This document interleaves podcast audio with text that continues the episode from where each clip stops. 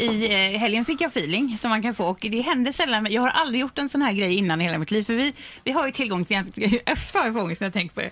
Vi har ju tillgång till ganska många telefonnummer. eh. Så tittar jag, tycker ju mycket om längdlandslaget och Charlotte Kalla och de här och det har inte gått så bra för Kalla eh, i år utan hon, alltså okej har det gått men Nej, vänta nu, säg inte Nej, att du... jag- femma i världscupen till slut blev hon. Ja. Jag har ju i förtroende fått hennes telefonnummer en gång för att vi skulle ringa och då tänkte jag, ja jag vet Peter, jag tänkte jag så här, nu när säsongen är över, nu behöver Kalla ett tröstande ord, Ja, men vi hon går har, det vidare. ska sägas också att Charlotte har själv verkat väldigt missnöjd i eh, olika intervjuer och så Exakt. vidare. Det är inte gått som hon hade hoppats i jag tycker också reportrarna har varit lite så här hårda mot henne. Så vill jag sträcka ut en hand och säga att det finns också media som är snälla. Så jag författar alltså ett sms till Kalla. Där jag Va? skriver Alltså- tröstande...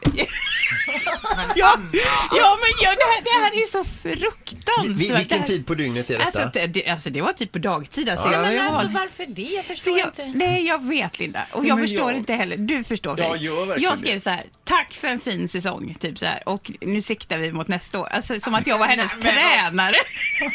Ska du typ ställa in dig eller vad? Nej, men jag ville bara visa att eh, det finns trevliga människor som tycker hon är grym. Jag tittar Ja. bara på dig nu Fredrik, för det här är så Jo, men jag pinsamt. förstår ju det. Exakt hur du tänker. För jag så dåligt har det inte varit. också. Ja, Ja. Det här är alltså en hederskodex när man jobbar bakom kulisserna, att man absolut Nej. Inte Fortsätt, den här typen Nej, av nej, sms. Men jag fick ju såklart inget svar. Sen kom ju vargtimmen omedelbart efteråt när jag började tänka, vad har jag gjort? Varför skickade jag det här smset ännu? Och inget svar Vad skrev såklart. du under mig då? Jag skrev under så här, för att jag har haft konversationer med henne innan vi har försökt boka och sådär. Så att jag har haft en fungerande konversation. Men den lär ju vara stängd nu. För att jag, jag så här pushade mot nästa år och nästa Jo, säsong. men vad skrev du Anna på Mix Megapol? eller? Ja, ja, jag skrev Anna. Ja, det gjorde jag nog. Skrev nog under med Anna på Mix Megapol.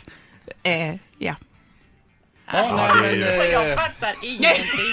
Nej, det här är det värsta jag har gjort. Och jag sa så här, vi kan- jag var tvungen att messa Sandgren omedelbart efteråt och bara be om ursäkt för att det var så enormt Men Peter, pinsamt. du lär ju också ha gjort något sånt här. Ja, jag visste. För mig. Välkommen i gänget. Åh, fy fasen. Ett poddtips från Podplay. I fallen jag aldrig glömmer djupdyker Hasse Aro i arbetet bakom några av Sveriges mest uppseendeväckande brottsutredningar. Går vi in med hemlig telefonavlyssning och, och då upplever vi att vi får en total förändring av hans beteende. Vad är det som händer nu? Vem är det som läcker?